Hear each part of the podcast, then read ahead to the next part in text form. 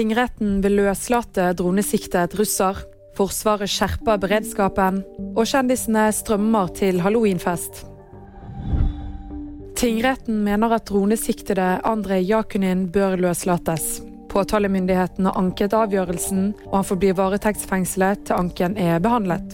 Jakunin, som har britisk og russisk statsborgerskap, ble pågrepet i Hammerfest den 17. oktober og siktet for å fly drone ulovlig på Svalbard. Fra og med tirsdag skjerper Forsvaret beredskapen i Norge. Det skjer som følge av at vi står i den mest alvorlige sikkerhetspolitiske situasjonen i Europa på flere tiår, sier statsminister Jonas Gahr Støre på en pressekonferanse mandag. Forsvarssjef Eirik Kristoffersen sa under pressekonferansen at de planlegger å stå i situasjonen i minst ett år. Mandag kveld er det duket for halloweenfeiring, og kjendisene strømmer i den anledning til Alexandra Joners årlige utkledningsfest. Her har de ikke spart på noe, og flere var ikke til å kjenne igjen.